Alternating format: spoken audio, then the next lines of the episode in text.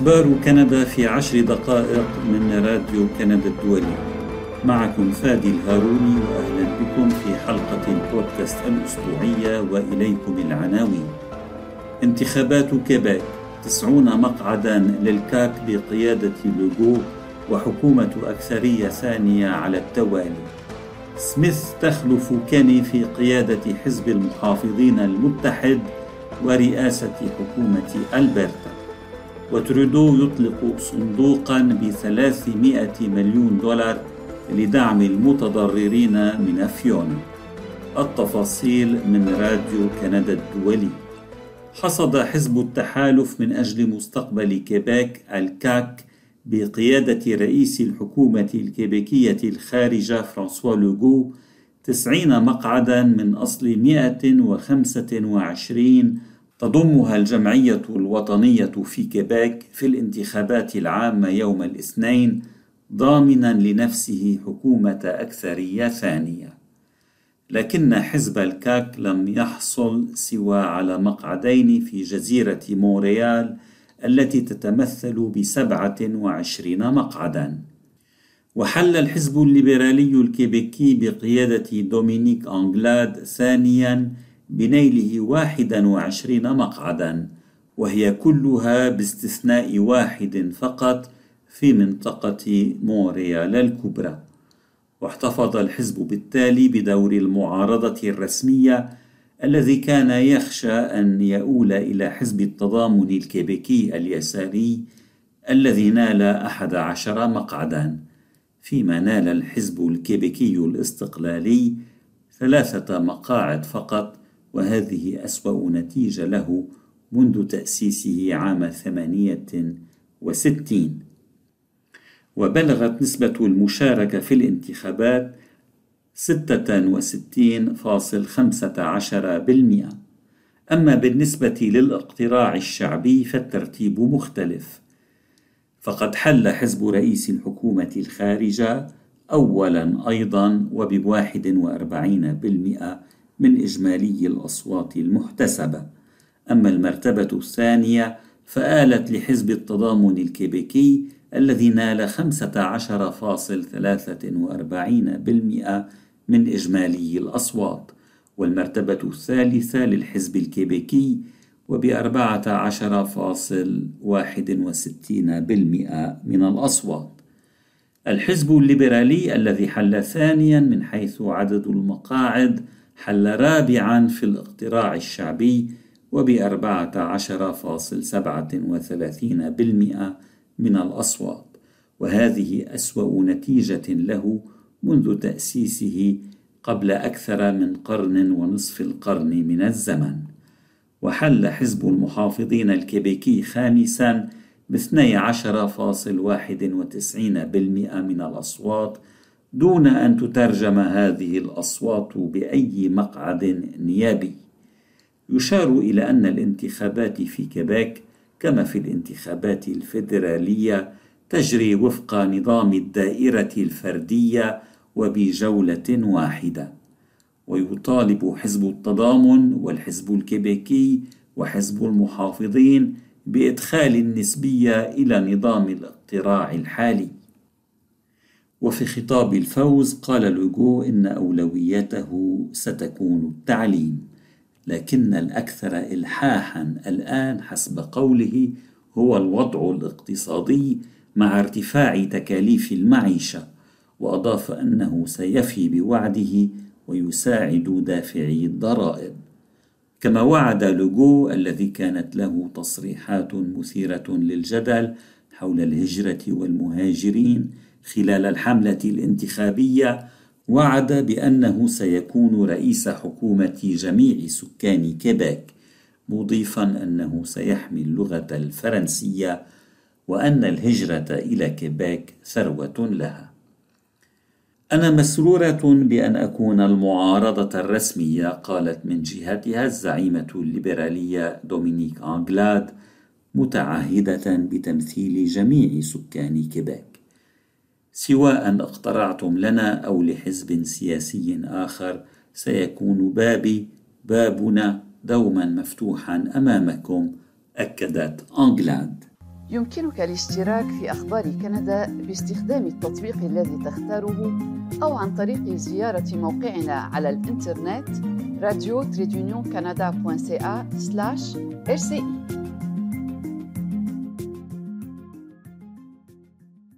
اختار أعضاء حزب المحافظين المتحد الحاكم في ألبرتا النائبة السابقة دانيال سميث زعيمة جديدة لهم خلفا لجيسون كيني.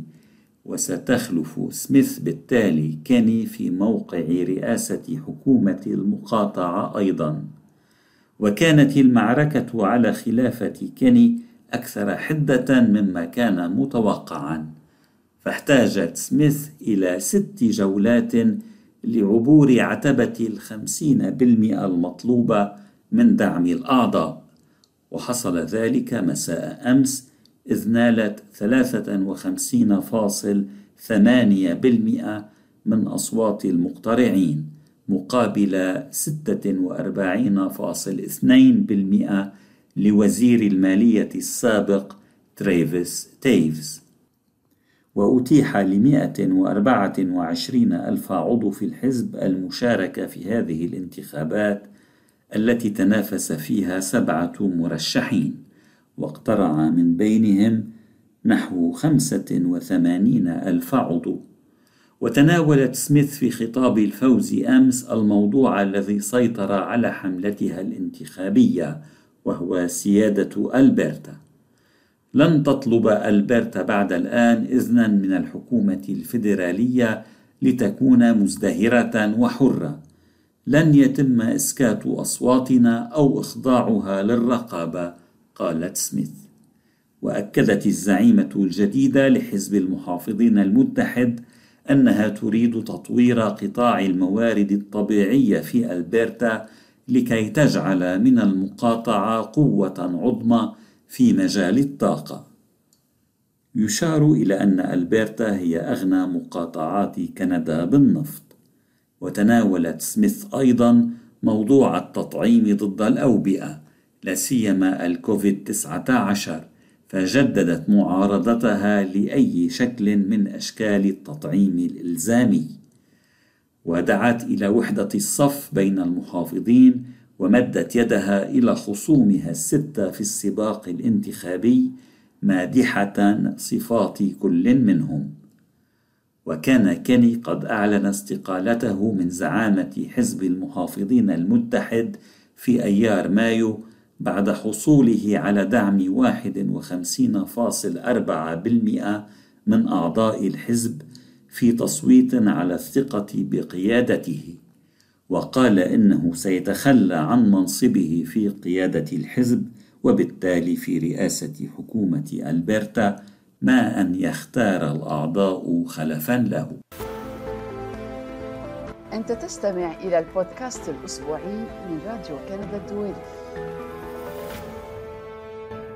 أعلن رئيس الحكومة الفيدرالية جوستن ترودو يوم الثلاثاء عن إنشاء صندوق جديد لجهود الإنعاش من فيونا بقيمة 300 مليون دولار لمساعدة المتضررين من هذا الإعصار في المقاطعات الأطلسية الأربع وفي شرق مقاطعة كيبيك وستوزع هذه المساعدة الإضافية على المجتمعات المحلية المتضررة عن طريق وكالة الترويج الاقتصادي للمقاطعات الأطلسية.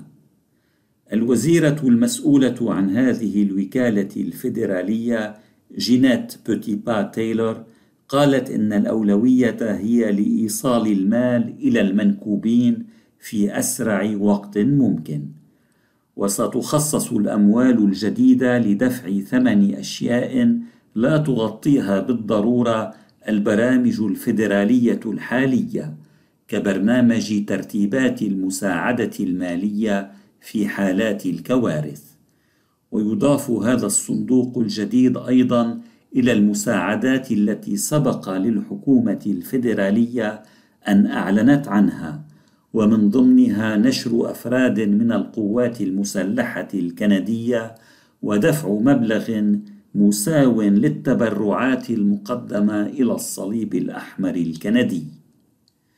تيم هيوستن رئيس حكومة نوفا سكوشا كبرى المقاطعات الأطلسية قال إنه ممتن لإرسال الحكومة الفيدرالية 550 فردا من القوات المسلحة الكندية إلى مقاطعته لتوفير الدعم للمناطق المنكوبة.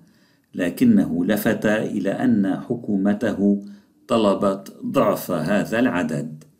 الأضرار كبيرة هناك الكثير من العمل الذي يتعين القيام به قال هيوستن. حلقة البودكاست لهذا الأسبوع انتهت. شكرا لإصغائكم. thank you